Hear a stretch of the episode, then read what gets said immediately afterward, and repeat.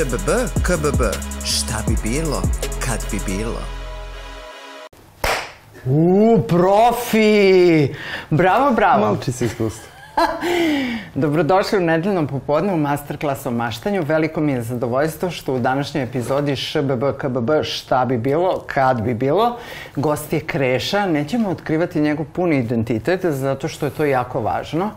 Ovaj specijal se bavi mangama, verovali ili ne, ja sam u svojoj 52. godini kao osoba koja je odrastala na stripovima otkrila manga Pa to je čitava filozofija. Na prvoj godini fakulteta dramskih umetnosti jedva sam položila grčku mitologiju zato što je to bilo jako komplikovano i morali smo na hamerima da ispisujemo ko je ko, ko je šta, ko je kome šta zamerio i tako dalje. I sada se veoma osjećam uh, slično, u sličnoj situaciji zato što sam zakoračila u nepoznati svet, a tu je stručni saradnik, ekspert, tako reći, zaštićeni svedok saradnik po pitanju mangi, Kreša. A, čovek koji je napravio u Laguni uh, boom, apsolutni. Prošli put kad smo snimali listu najčitanijih knjiga, manga je na prvom mestu, tako da Kreša, čestitam ti. Hvala, hvala. Ništa e, neočekivano. Pa hajde da počnemo ovako. Dakle, uh, da li je kasno da čovek u nekim zrelim godinama svog života otkrije mangu? Ma, kakvi. Što se tiče Japanaca, njihova, njihov pristup stripu je mnogo drugačiji od onoga što mi ovde imamo, a kamali Francuzi, Amerikanci, Italijani, razvijenije strip kulture. Kod Japanaca je manga, to jest manga je sinonim za strip. To je prosto, kod nas uh -huh. se mhm. prihvatilo to kao manga za japanski, ali to bukvalno znači ono manga jednako strip. Uh mhm. -huh. I Kod Japanaca dnevne novine izlaze u formi, formi stripa. Sve što može čoveku da padne na pamet, od klasika Jane Eyre i Charlotte Bronte i svega, do, ja ne znam, izmišljenih i nekih stvari koje možda i ne treba da budu izmišljene, izlaze u formi mangi. Da. Tako da ovde kod nas jednostavno je bilo samo pitanje vremena kada će doći do e, te ekspansije. A manga kao strip ne razliku, mislim, razlikuje se u smislu brzine izlaženja, dinamike, naracije i možda da kažemo ek... žanrova. Žanro, mnogo više žanrova, ali što se tiče crteža, mnogo ne bi, ne bi teo da kažem eksplicitnijeg crteža, ali ekspresivnijeg crteža. Mm -hmm što se u odnosu na italijansko, na Zagora, Teksa i ono sve što je izlazilo u zlatnoj seriji Luno Magno stripu, u odnosu na Blueberry-a, na klasike uh mhm. -huh. francuskog stripa. A i zbog toga manga je mnogo, mnogo lakše prihvaćenije ovde u odnosu na ono što je nekada izlazilo kod nas. Uh mhm. -huh. Jer za mangu je potrebno, ja mislim, dva ili tri poglavlja koji izlaze jednom nedeljno da se čovjek pusti u priču, dok od francuskog stripa je potrebno dve ili tri godine da izađe 96 strana mm -hmm. i zato mange su, pa možemo reći, dominantne apsolutno sad. Kada smo snimali tu bestseller listu, ja nikad ne volim da znam šta je na prvom mestu, nego volim da podelim to iskustvo i sa svojim gledaocima, tako da to nekako onako ima neki suspens, da ne kažem da je onako napeto. Uh, Međutim, ovaj put uh, zaista su mi prodavci u Laguni iskrenuli pažnju da je nešto jako neobično na prvom mestu, dakle da nije ništa što bi mogao biti, nego da je prosto fenomen u pitanju i da oni nisu navikli na tako nešto. Tako da, uh, mi smo snimali stvarno Laku noć pom pom je bilo na prvom mestu i uh, Ja sam se jako obradovala zato što to znači, jer e, kao neko ko dolazi iz podkulture i subkultura raznih, ko je odrastao na ovaj ili onaj način iz panka, pa sve što je usledilo, tehnokulture i tako dalje, nekako sam predosetila da ovo nije samo knjiga, da je to čitav pokret. Dakle, da su to i prateći elementi, da je to čitav niz knjiga e, koji e, će se prodavati, čitav niz merchandise, odnosno majica, šolja i ostalih stvari. Tako da, e, kako si ti u stvari uopšte došao u kontakt sa sa mangama i na koji način je kasnije Laguna ovaj krenula da te kontaktira i kako je to sad sve počelo? E, prvo bih skrenuo pažnju na kao u videu što si rekla, 20. mesto 1984. George Orwella, prvo mesto Lako noć pompune. Da. Što je, ja mislim, pre, pa ne pre 20, pre dvije godine bi bilo nemoguće zamisliti. Da. Ali jednostavno, klinci danas sa razvitkom tehnologije, većina njih je već pročitala Pumpuna online. I ako sad pogledamo da je njih 500.000 pročitalo to online, postoji neka određena grupa koja će to i kupiti i hteti da ima u papiru. A što se tiče toga kako sam ja došao do Lagune, mislim, ja sam dugo radio u jednoj izdavačkoj kući i knjižari i to baš od ranih, ranih svojih godina, da ne pominjem sada da ne bi bilo uključena policija, dosta mi je A toga. policija to voli. Tako da ja počeo sam da radim u knjižari u striparnici u Knez Mihajlovoj 48, u Star Way, u našem najvećoj striparnici u suštini na Balkanu. I predložio šta bismo mogli, kako bismo mogli da unapredimo i Lagunin katalog, a i da se približimo klincima koji jesu dolazili kod nas, ali nisu nalazili ono što traže. Tako da sada sa Pum Punom smo apsolutni bum napravili, jer ja se ne sjećam kada se desilo da u 50 plus knjižara svaki izlog bude potpuno žut. Da. Kao što se desilo sa Pum Punom Kjecom, kao što će biti sa dvojkom, trojkom i Da. narednim. Ali hajde da se setimo tog prvog momenta kada si se ti susreo u suštini sa mangom. Kada si ti prvi put osvestio kod sebe. Ja se sećam tačno momenta, a, bile su 90. m, kraj 90. mislim čak nešto pred bombardovanje 99. Um, ja sam radila u industriji u jednom veoma poznatom a, klubu i došla je drugarica iz Amerike, Maša ovom putem te pozdravljam, i donala mi je majicu sa mangom I to je bio usamljeni dečak, čini mi se. Njegov karakter je bio da, on kao se bori Da, protiv da, celog da. sveta, ali je jako usamljen u celoj toj ovoj priči. I to je nekako majica koju sam najviše volela a, tokom 99. I tad sam shvatila da kao, aha, kao to nije bilo kako, nego on ima značenje, on je iz o, njegova priča ovakva i ovakva. I to je negde moj prvi susret sa mangom. A koji je bio tvoj prvi susret sa mangom? Pa, u suštini, ja se prvo susreo sa ka, animiranim serijalima rađenim po mangama, da. To su bili Dragon Ball kad sam imao, ne znam, 5-6 godina, pa čekam da odem u vrtić, pa u pola osam Dragon Ball i onda trčim tamo. Yu-Gi-Oh! Naruto kasnije 2007. Ali što se tiče čitanja, to su bili, mislim, sad će zvuči kao opet da plagujem pun puna, ali on je krenuo 2007. s 2009. To je jedan od prvih serijala koje sam baš završio. Lako noć pun pune i bio u fazonu kao, da li je moguće da strip može da ponudi ovoliko? Da nije samo puka zabava, da nije samo kao Yu-Gi-Oh! Dragon Ball i to, da I mi Pogledao sam, učenija. pročito i to je to, ali ovo mi je, stvarno razmišljao sam nedeljama i mesecima nakon što sam završio serijal o tome. Tako da i Pum Pun i jedan manga serijal koji, ja mislim, nikada neće biti objavljen kod nas, pošto postoji samo piratski na engleskom i nikad ni u Francuskoj, ni Italiji, ni bilo gde na zapadu nije bio objavljen, e, koji govori o dečaku koji je njegov otac je kao ljudsko biće, njegova majka je zvezda, ali u smislu zvezda kao fizička zvezda u svemiru. Ne kao lepa brena. Ne kao... A i, tu mi je bilo kao, da li je moguće neko zamišlja, mislim, američki, francuski, italijanski strip uglavnom se oslanjaju na realne stvari. Čak i ako rade fantastiku, rade horor, rade neke stvari koje nisu mainstream i nisu realne, opet oslanjaju se na nešto što možemo da prepoznamo. I onda pročitam japanski strip koji nema osnova u našoj stvarnosti. Znači, to ne možeš da vidiš ni ispred nas, niti bilo gde na planeti. I to me baš onako ponuk- ponukalo da ako, ok, ovaj serijal koji nije ni toliko bio ni poznat, niti bilo šta, radi ovo, kakva je onda ta njihova produkcija? Da. Jako je Zanimljiva istorija i sad kad sam krenula da čitam a, ovu knjigu, ona do duše nije Lagunino izdanje, ali možete naći a, kod Lagune. Dakle, u pitanju je vodič kroz čarobni svet japanskog stripa.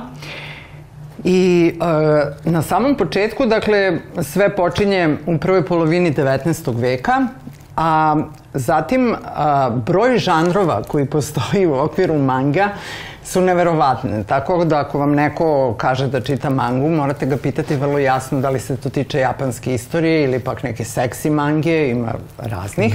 I oni su tu vrlo, vrlo eksplicitni. Znači imamo da. boy, boy, girl, girl, boy, girl, boy, da, monster, girl, monster. Ovo.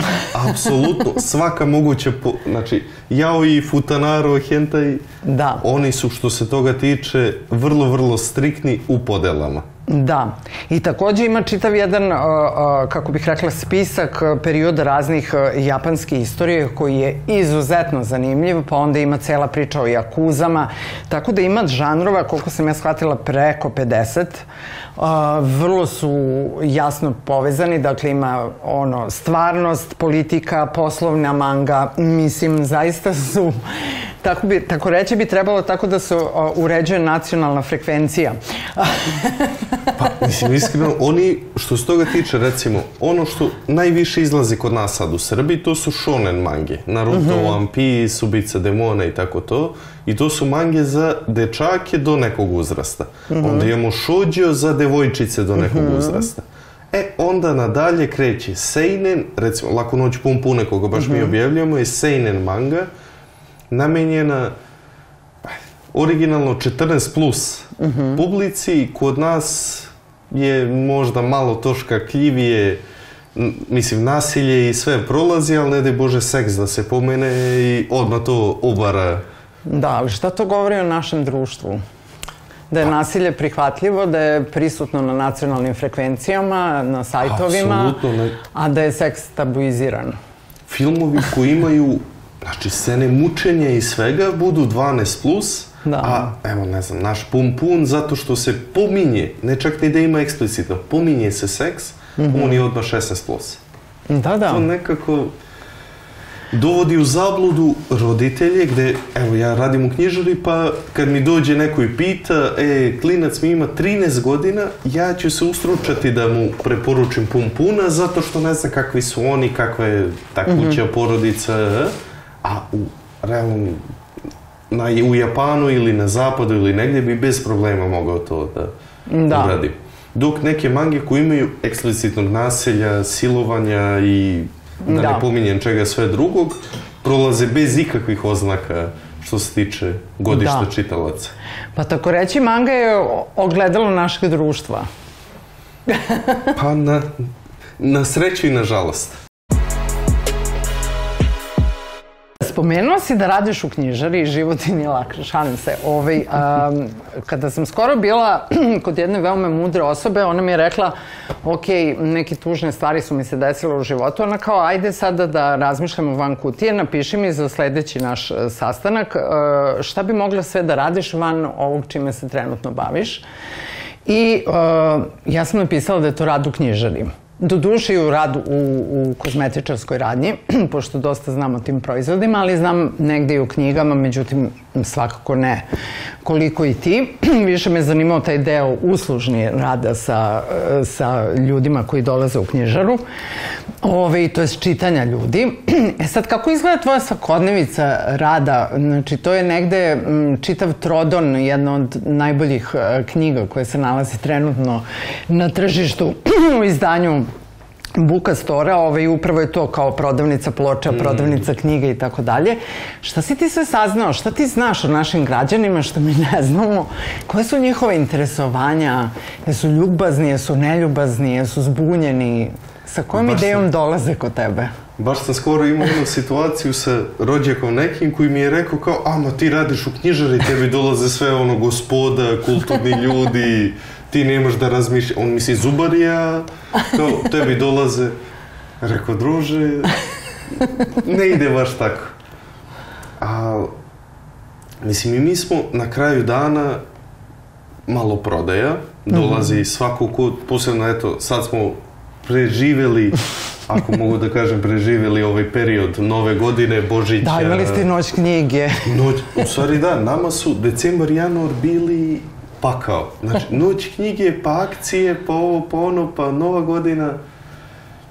Uspeli smo da prebrodimo to, ali recimo gore kod mene u Striparnicu kad dođu u Knez, to su ljudi ili koji znaju tačno šta hoće i onda kad ne, ne nađu to što žele, onda se naljute, ili ljudi koji nemaju pojma.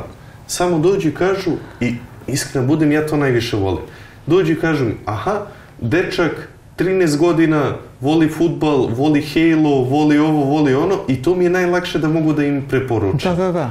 A što se tiče publike koja dolazi kod nas u knjižaru, i dalje je to šarolika publika, u smislu da iako cene rastu, vidimo u prodavnicama i svega, knjige ja mislim da su najmanje poskupile, a kamoli stripovi u posljednjih godinu, godinu i po dana. Tako da i dalje dolaze kod nas, okreću se, aha, ne mogu da mu uzmem patike ili loptu ili ovo, uzet ću mu knjigu ili strip. Što je negde fenomenalna stvar. Apsolutno. I ja mislim da je naj, najveću zahvalnost imam u tome što i devojčice sada čitaju. Da. I ja mislim da čak devojke i devojčice više čitaju sada stripove nego dečaci.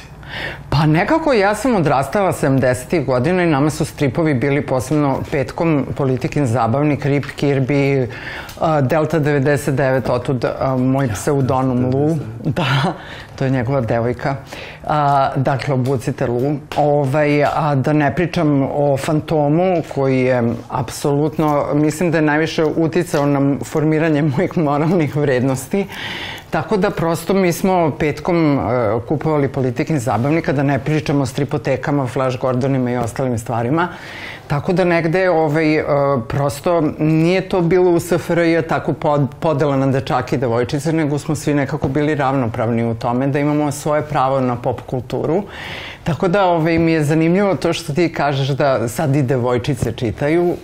Ali tu smo imali problem e, od recimo 93. do 2008. u Srbiji nije bilo stabilnog strip izdavača. Da. Mi smo imali taj jedan vakum i rupu gde smo mi propustili neke klasike koje je trebalo da budu objavljeni kod nas, nisu.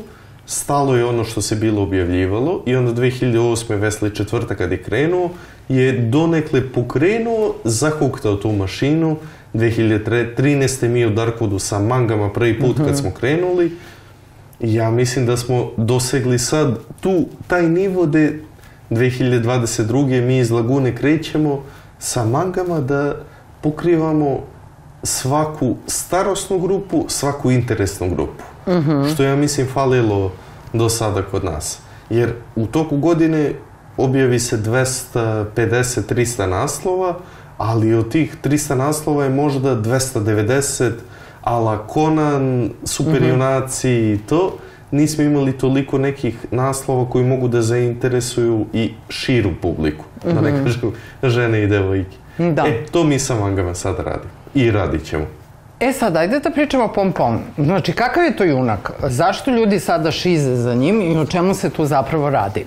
Kakav on, uh, šta, uh, znači ovo je uh, najčitanija knjiga od decembra meseca, Apsolutno. a ovo je sledeća najčitanija. Dvojka je, pa, tu su negde do kraja godine. Iako izašao 26. decembra, Kako? treba da se...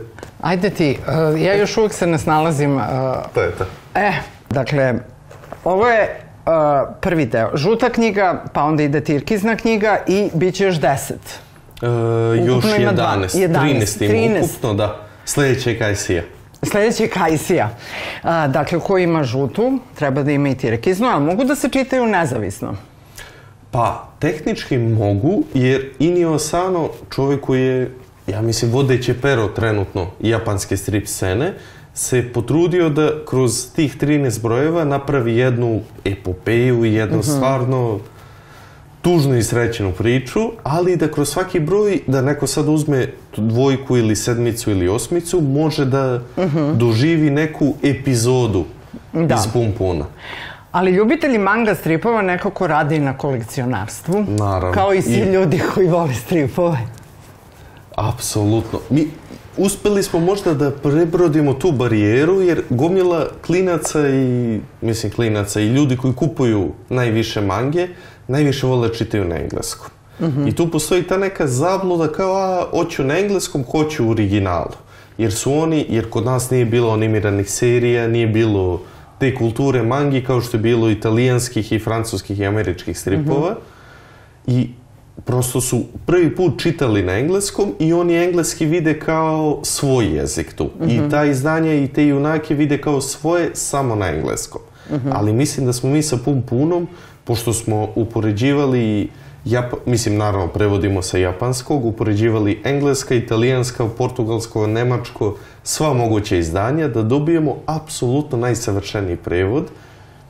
I mislim da prve nedelje je bilo onako, da li će, neće, ali onda su ljudi shvatili, Da. prosto prihvatili to, sav taj naš trud koji smo uložili u to, da ne pominjem kvalitet serijala, Da. jer, eto, Ne, fenomenalan je prevod, toliko je savremen uh, i, i mislim, nemaš ti tu, kako bih rekla, ja isto volim neke stvari da, na engleskom, ali, ovaj, ali ovo je fenomenalna stvar. Mislim, kao što je Alan Ford imao jedan kvalitet od to što je bio na hrvatskom. Naravno. I tu je samo isključivo bilo do Nenada Briksija, do njegovog prevoda. Tačno. Ja na italijanskom sam pročitao više od 200 brojeva, nije mi tako smiješan kao ovi na hrvatskom. Ne, ne, na hrvatskom je zaista tako da pokušajte da čitate na maternjem jeziku.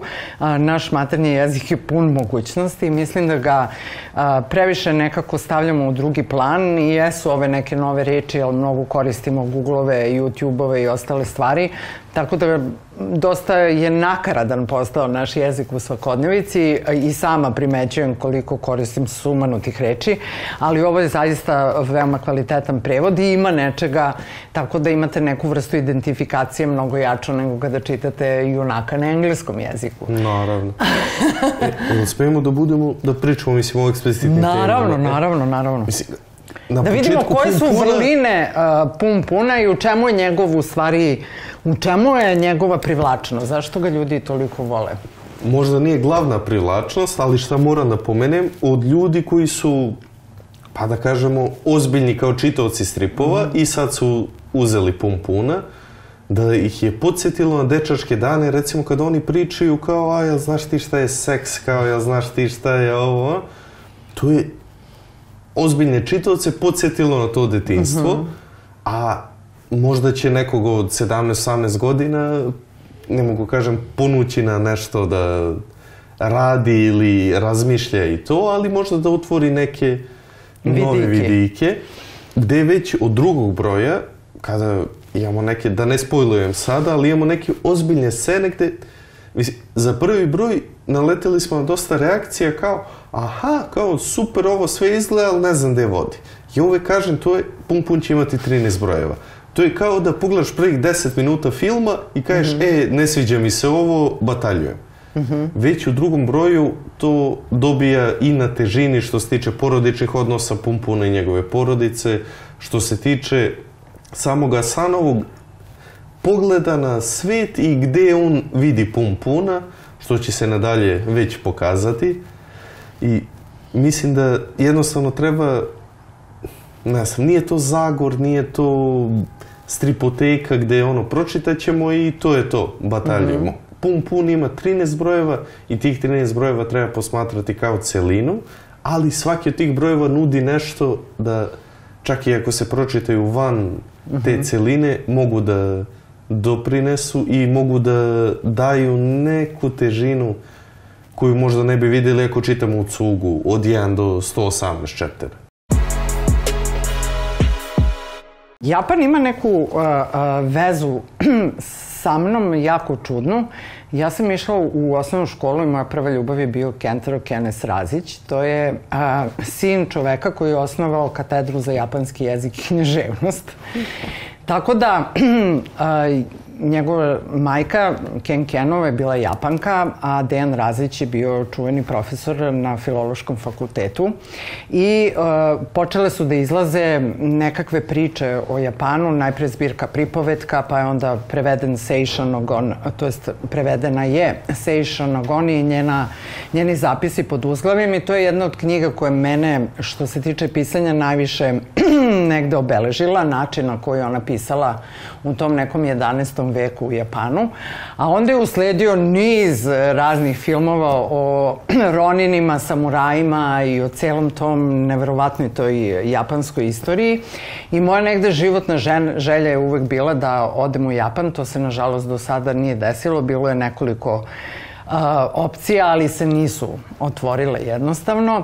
I negde ja sam neko kome je Japan apsolutni super san i koji je negde upoznat sa njihovom kulturom, ne kroz mange, nego kroz uh, neku pisanu reč književnosti i tako dalje. I sa druge strane, kroz tu nevrovatnu istoriju, da ne pričam o Kurosavi i tako dalje. U krajnjoj liniji, jedan od najvećih hitova Olivera Mandića je upravo bio trenutak kada je Kurosava bio ovaj, ma, mm. mala sanja o Japanu. Ovaj, tako da je Kurosava bio ovde jako popularan i išlo su u kinoteku i svašta nešto. I Van Rašomona i sa Rašomonom. I negde mi je jako drago da se ta nekade tradicija nastavlja sa ljudima sa ovog područja koji su apsolutno zaluđeni za Japan. Pa da li si ti bio bio u Japanu? Nažalost nisam. Mene strah aviona, ne leta, o, konkretno Bože. aviona. Me je strah, tako da, nažalost, ne. Ali zanimljivo je to što se tiče Kurasave i Rashomona i neki od najpopularnijih mangi na engleskom koje mm -hmm. mi prodajemo u našim knjižarama su fokusirane, recimo Vagabond je o samuraju bez svog mm -hmm. Gazde. Nemo ka, gazde, da. da to je Ronin. Nije vlasnik gazde, da. To je Ronin, da. Ili Usagi Jimbo koji je mhm. američki strip, ali koji se bavi istom tematikom ili gomila tih e, najpopularnijih japanskih serijala se bavi isključivo tim nekim ranijim periodom. Mm -hmm.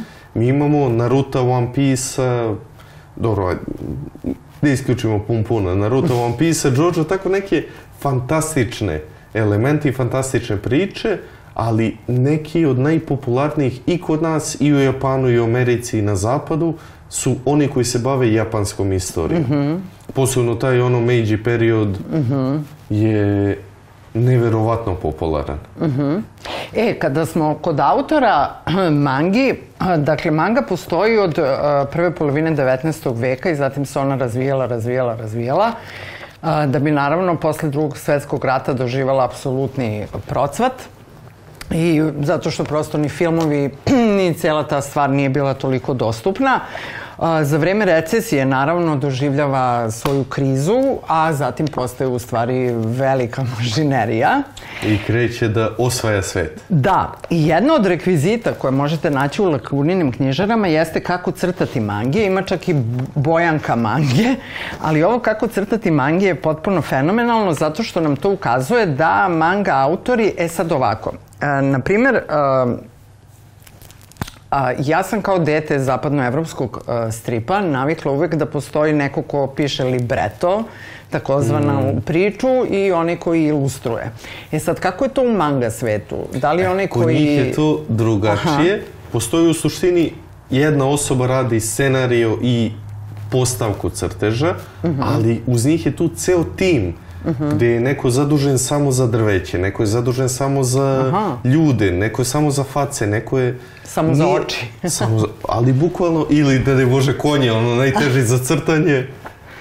Oni imaju prosto, kad se neki serijal postane popularan, tu se ceo tim aktivira uh -huh. koji radi na tome da bi ono što je bitno našim klincima i ne samo našim i svim klincima, uh -huh. da izlazi nešto brzo, da jedan čovjek to radi, to ne bi moglo da izlazi 16 strana nedeljno.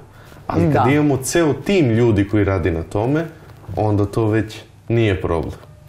A, postoji jasno određena pravila kako treba da izgleda glava, koji je uh, odnos nosa, čela, usana, dakle imamo presek, zlatni presek, tako reći, u manga, kako treba da izgleda zmaj, kako treba da izgleda koje god mitsko biće ili stvarno biće i tako dalje, kako treba tačno da izgleda oko koje se boje koriste, koje se ne koriste. Dakle, to je čitava jedna mitologija. Jeste, ali u poslednje vreme imamo i tu neku vrstu bunta, revolucije, Aha. da ne mora da izgleda sve tako dobro. Po PS-u. Po PS-u, baš da. tako. Da neke stvari koje, ne znam, scene borbe gde bi trebalo jasno da se vidi ko se sa kim bori, ko čime udara ili šutira i to, sada imamo neku tu vrstu zamagljenog odnosa mm -hmm. gde mi ne vidimo da li je ovaj ovoga udario ili ovaj ovoga šutno je, ali kasnije mm -hmm pokažu koji je krajnji ishod te borbe, ali trude se da izađu sad iz tih okvira. Ali mm -hmm. mislim da je to jednostavno umetnost na svakih 20-30 godina kako se nešto postavi, neko mora, mora da... da pomera granice, da. Da, pomera te granice, da. A šta tvoj tata kao kolekcionar stripova misli o mangama? Čita i Kao lud. sa zadovoljstvom. Znači, ja imam sreće, ja sam eto naučio čitam preko Gastona, Spirua, Blueberrya i nekih tih francuskih klasika, posle Komandant Mark i to, ali ja sam eto njega navuko na mangi, jedva čeka svaki, svakog pun puna, dobija na, na sreću pre nego što izađu zvanično, ali mm -hmm. poštuje, mislim, eto, imam sreće da je svaku, svaki vid umetnosti hoće da mm -hmm. isprati. Pa on prenao tu ljubav na tebe? Jeste, apsolutno. Mm. Znači da... Znači on... može s kolena na koleno? Apsolutno. Ne znam za mnogo slučajeva. Tih znam za još samo još jedan, ali eto, on je Uglavnom kolekcionari hoće da sačuvaju da se to ne lomi, ne šara. Mm -hmm. On je mene pustio kao klinca da ja mogu da čitam sve što ima od mm -hmm. stripova i eto, došli smo ovde. Da. Skoro nisam srela čoveka ovaj, koji zna ko je poručnik Blueberry. Ovaj, zamisli. A mene su 84. zvali poručnik Blueberry, zato što sam im ličila, pa još uvijek malo ličim na poručnika Blueberry. Na čoveka sa srebrnom zvezdom. e, ovaj, donao si mi, a, ja sad ne znam šta je ovo, ali je dosta obimno, znači ovo je za januar najdepresivniji mesec. Znači, Buda... Sada, I to je samo prvi broj. Osamu Tezuka. Osamu Tezuka koji je otac japanske manke. Mm -hmm. Čovek koga su roditelji terali da bude lekar, doktor nakon drugog svetskog rata, ali on odlučio da ne želi time da se bavi, nego hoće crta stripove, koji tad u Japanu, krajem 40-ih, početkom 50-ih godina, nisu bili toliko popularni i on je u svojoj karijeri koja je možda imala nekih 50-55 godina, postavio apsolutne osnove za sve što mi danas vidimo. I za Pum Puna, i za Naruta, i za sve što vidimo je krenulo od njega. Mm -hmm. Njegov Astro Boy koji imao mnogo više brojeva nego što bih mogao sad da se setim, ili njegov Black Jack, jako zanimljiv serijal o najboljem svetskom hirurgu koji nema dozvolu za rad. operacije, za rad. Da ali koga zovu kada je nešto potrebno. Bavio se nekim onako čudnim temama, recimo Buda njegov u osam mm. ovakvih debelih knjiga, iako bi rekli svinje su debele, a knjige su obivne, u osam tih debelih knjiga je on opisao ono što budističke knjige opisuju kao kako je prvi Buda nastao. Fenomenalno. Tako da reći da je ovo u vodiču ko želi da počne da čita mange. Apsolutno. Prvo Tezuki oca mangi, znači, pa onda nadalje. lektura, lektira, ovaj, lektira. Dakle, ovo je lektira sa kojom možete početi. A, takođe donosi mi i Bizarre Adventures. JoJo's Bizarre Adventures. E, to je 80. godina. Ja, čovjek sa psom, ja imam psa. Da li bih su... mogla da započnem svoje bizarne avanture? To je možda manga koja je pomerila taj, mislim, kao što vidite u Budi je klasičan stil. JoJo's Bizarre Adventure predstavlja pa ono što se nekada zvalo metroseksualni stil, gde imamo ljude i muškarce koji se ono međusobno bore tako što imaju standove poze i bore se pozama. Da, kao Zoolander. Naj, topical najsličnije tome, da. I tu je 80-ih, 90-ih bilo kod nas nezamislivo. U Americi je na kašičicu izlazilo i autor je trudio se da radi, radi, radi, radi i to je trenutno jedan od najpopularnijih serijala na svetu. Da, pa oni su On je na- dendi totalni. Sve iščupane obrve, dendi, namirisani verovatno. Wow, kakva riba za kraj. Ha, a, mljac. Da, ali, mislim, poenta je ono, borbe su u pozama. Da, da, totalno Gde jedan drugog i to je eto prošlo, nije prolazilo tada, ali eto krajem, u stvari nije krajem, sredinom 2010-ih je to eksplodiralo. Da. E sad reci mi, ovde vidimo jednu ribetinu. Ovaj, a, mange su inače veoma specifične po tome na koji način prikazuju a, ženski pol. Devojčice su stidljive, ali negde veoma perverzno seksi, žene su raskošno seksi i tako dalje, ali tu postoje neka pravila i neki standardi. Pa opet zavisi u kom, kom smo žanru. žanru. da. Rec, mislim, evo, yaoi žanr koji je boy on boy love, tu svaka žena je predstavljena kao najveća rugoba na svetu. Znači, ne, ne postoji ono tako neko. Da, da, da. Ali recimo Futanara koji je girl on girl love, tu su nacrtane žene kao što, ja mislim, ni Mebius, ni Manara, ni Bill Sjenkević ono nisu uspeli da nacrtaju. I što se toga tiče, Japanci dosta pažnje posvećuju ženama i često možemo sresti da su žene i devojke glavni likovi mangi, što nije toliko slučaj u zapadnom stripu. Apsolutno. A što se tiče crteža, opet zavisi od žanra do žanra. Da, u zapadnom st- stripu je ono što je pravilo kao u western filmovima, žena je tu da usporava radnju. Međutim, u mangama je to nešto sasvim različito.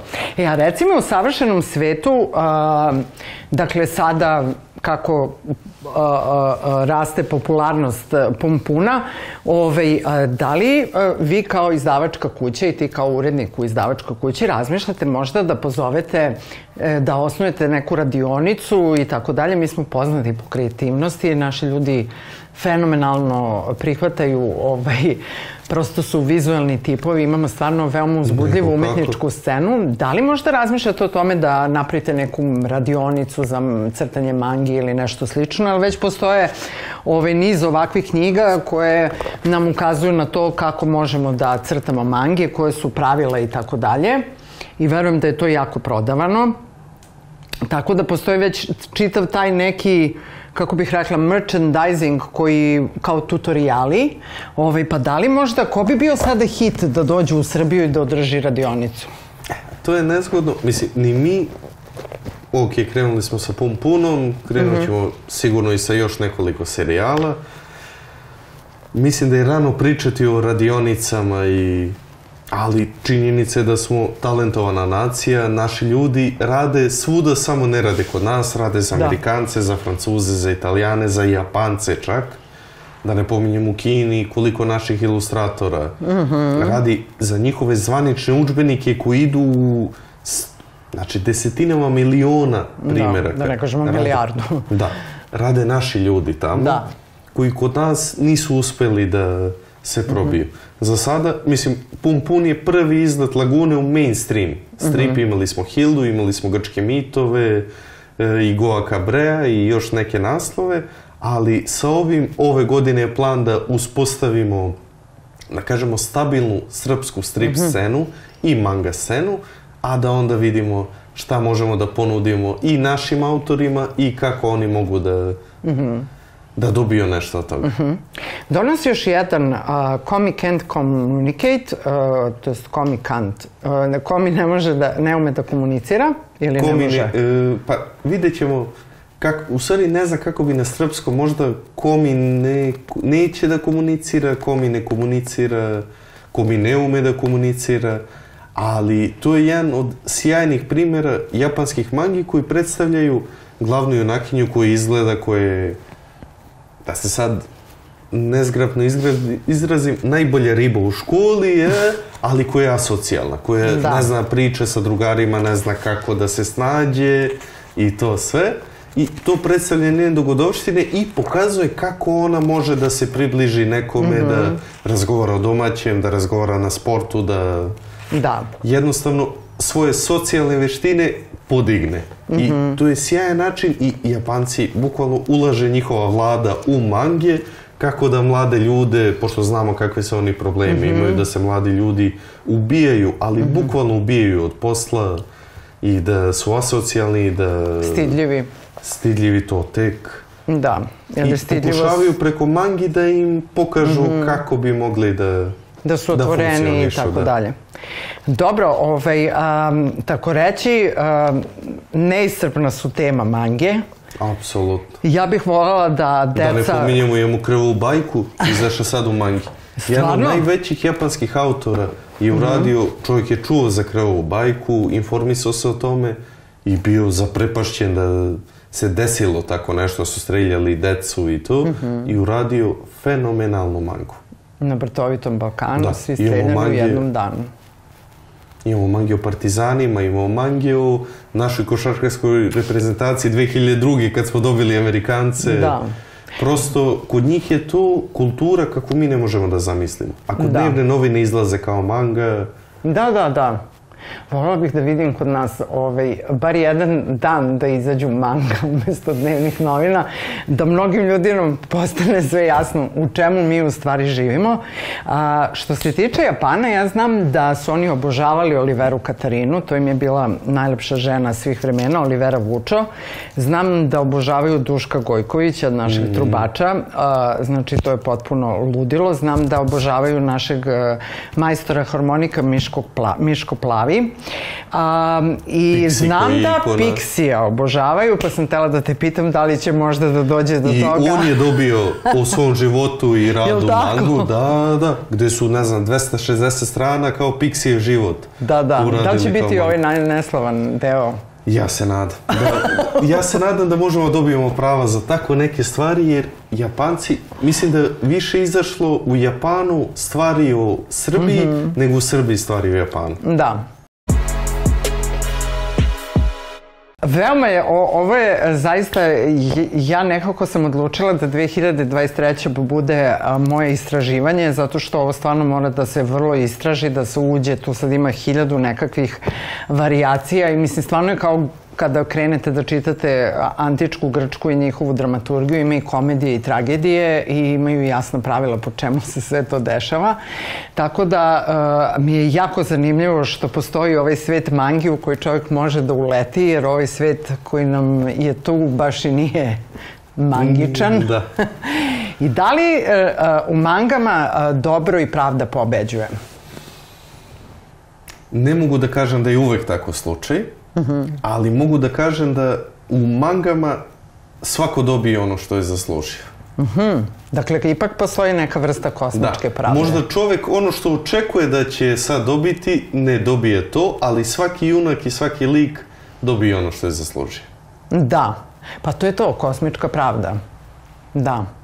E, a, dok ti malo razmisliš šta bi ljudi mogli da googlaju, iako ovo sve može da se googla, dakle ovo vam je čitav jedan univerzum a, koji smo predočili u ovom specijalu o mangama, a, postoji u ovom podcastu jedna rubrika, ovaj, a, s obzirom da ljudi mnogo vremena provode na svojim telefonima, ja bih više voljela da ih vidim sa knjigama, pošto nema ništa luđe nego kada u prevozu ili negde vidiš čoveka koji je zaronio glavu u, u knjigu a, i taj miris knjiga i sve ostalo. Dobro, ja sam specijalan slučaj, ali evo, ako već e, toliko vremena provodite na svojim telefonima, hajde da vam dam predlog nešto da googlate. A, s obzirom da ljudi jako vole modu i tako dalje, i evo ga spoj a, Beograda i mode, dakle, ukoliko nešto želite da saznate o tome kako je Beograd u 20. veku izgledao, to mi je film Ljubav i moda. A, dakle, tu su i Mije i Čkalja, ali i pre, prelepa Beba Lončar i Vespa i svašta nešto i šta se dešava kada jedna robna kuća organizuje modnu reviju. Dakle, Beograd u svom punom sjaju Socijalističke federativne republike Jugoslavije, dakle, Ljubav i moda. Ovaj film je inače remasterizovan zahvaljujući operateru A1, da ne kažem VIP-u. E sad, ukoliko ste već zblanuti dešavanja dešavanjima na svetskoj modnoj sceni, šta se dešava sa skandalom tipa Balenciaga i Gucci. Ovaj, a, gospodin, a, dakle, kako bih rekla, ovaj, a, ključni čovek a, e, svetske kinematografije Robert Altman 20. veka je napravio film Visoka moda. Ukoliko njega, ili Preta Porte, ukoliko njega pogledate, shvatit ćete kako funkcioniše modna industrija i bit će vam mnogo toga jasno i zašto smo došli ovde gde smo došli. Dakle, ovaj, ljubav i moda i preta prote, odnosno visoka moda su moji predlozi kao klasika iz 20. veka, s obzirom da sam ja zadužena za 20. vek, jer u 21. veku mi trebaju poput tebe vodiči da bih se snašla, iako mange potiču iz 19. Ovaj, a reci mi, ovaj, koga bi ti volao da, eto, građani uh, više obrate pažnje na nekog ili možda neki bend ili nešto što voliš van rada u, u knjižar ili je tvoj život ceo oko mangi? Pa, nije baš ceo oko mangi, ali je ceo oko knjižara i književnosti. Ne znam, što se tiče knjiga, ja mislim da je jedan od najpocenjenih pisaca kod nas, John mm -hmm. Fowles, sa čarobnjakom, sa kolekcionarom, to je sakupljač, da, mi smo ga sakupljač preveli, čovjek koji i žena francuskog poručnika, ne znam, ja prvi put sam ga pročitao sa 15 godina i dalje mi je mm -hmm. najbolje nešto što sam pročitao u književnosti. Nick Hornbija, Yukija Mishimu, koji ćemo isto objaviti uskoro. Čovek koji je pa ja ne znam, ono, japanski klasik nad klasicima. Kao mm -hmm. što je kod nas Njegoš i Andrić, tako i Mišima mm -hmm. kod njih. A što se tiče bendova, pa ne nužno bendova, ali moram da pohvalim ekipu iz Ice Rinka. Mm -hmm. Tam Summer Deads, Keneveri, nekoliko ono tih ljudi koji prave savremenu muziku sa nekim duhom onoga što želimo da čujemo i na čemu smo odrasli. Da. Mišima, to je Yukio Mishima, dakle, ključna osoba ove havajske košulje i suicid a, iz časti. Dakle, ovaj, a, Mišima je bio jako popularan kad sam ja bila mala. Ovaj, ona mi je negde... I tu je prosto prestalo nekako da, da i nek, ninja romani nekada koji su pisali da. naši ljudi da. šta sve ne, tu jednostavno prestalo bilo. Ali vidiš da postoji živo interesovanje i da ta konekcija Japana i ovaj, Beograda Nas, i Srbije pa. ovaj, ipak a, samo treba malo napora da se obnovi. A, da, Yukio Mishima, da. U, kakav je to bio junak. A, da, Dandy Japanac sa veoma ovaj, jasnim kodeksima. Ovde sad svi neki batice imaju neke mm. kodekse, a u suštini bi trebalo da, da malo se, drže se toga, da. pozabave time. I da li je vreme možda da uh, na, naši tinejdžeri naša deca suštinski u školama malo da se update-uje ta lektira obavezna? Kako ne? Mislim, prosto mi je neverovatno da smo mi i Francuzi, i Italijani, i Japanci, svi ubacuju strip u da. svoju lektiru. Mi smo napravili neke korake, recimo Zelen Babini Darovi, Ivane mm -hmm. Nešić ušli lektiru i nešto malo modernije, ali dalje iz, idemo oko stripa kao kiša oko Kragujevca. I dalje to se važi da je nešto za decu, da to nije ozbiljno, da... A imamo remek dela poput Mausa, poput Pumpuna, poput mm -hmm. gumiletine stripova koji su u istoj ravni, ja bih rekao, kao Čarovni breg Tomasa Mana ili mm -hmm. Hese ili... Da. Prosto imaju šta da pruže, ali nemaju tu prepoznatljivost kod nas. Da. Tako da radimo na tome da... Da. Želim vam puno sreće, mi smo u kontaktu, ovaj, običali smo da ćemo doći a, da vidimo kako izgleda tvoja striparnica i da malo pričamo sa ljudima koji tamo dolaze po svoju dozu, zato što je prosto stvarnost užasna i ja želim da živim u stripu. Ovaj, vraćam se svojim ono prvobitnim planovima u detinstvu, a to je da ovaj, prosto je strip. A, dakle, učite od klinaca kako se uče, kako se čitaju mange, treba će vam neko vreme, meni je trebalo neko vreme da ukapiram kako to se čita sa desna na levo. ali, ali mozak se brzo navikne. Da, e, ali to je veština koju možete naučiti od svoje dece i uopšte osluškujte svoju decu i čitajte stripove, ali bi to bila poruka za kraj? Apsolutno. E, hvala ti puno.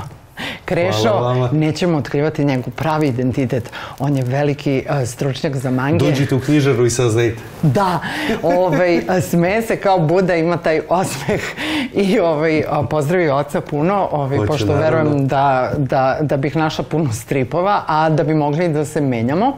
Dakle, ovaj, u očekivanju trećeg nastavka Pom Poma, koji će biti Kajsija 26. nijanse, januara. 26. januara, a, Budite dobri, budite hrabri, budite srećni i nemojte biti depresivni, pošto sad ulazimo u onaj deo meseca januara kada shvatate da sve što ste mislili da će biti drugačije, e, ništa neće biti drugačije. Ove, I samo će minus biti realniji, ali dobro. Idemo dalje. Dakle, slušamo se i gledamo se nedeljom u 18 časova premijerno u podcastu Šta bi bilo, kad bi bilo ili šbb, kbb. I mislim da bi to bila jedna veoma dobra epizoda Mangi pod tim nazivom. A ja ću sad sa Krešom ostati da pričam ovaj, o tome da li ja mogu da nekako napišem neki libreto pa da se probijem u taj svet. A, slušamo se i gledamo se na portalu nova.rs, na YouTube kanalu Nova S i na svim podcast platformama. Hvala puno, doviđenja, prijetno. Tan, tarararam, pam, pam. Hvala. Kako si ti car?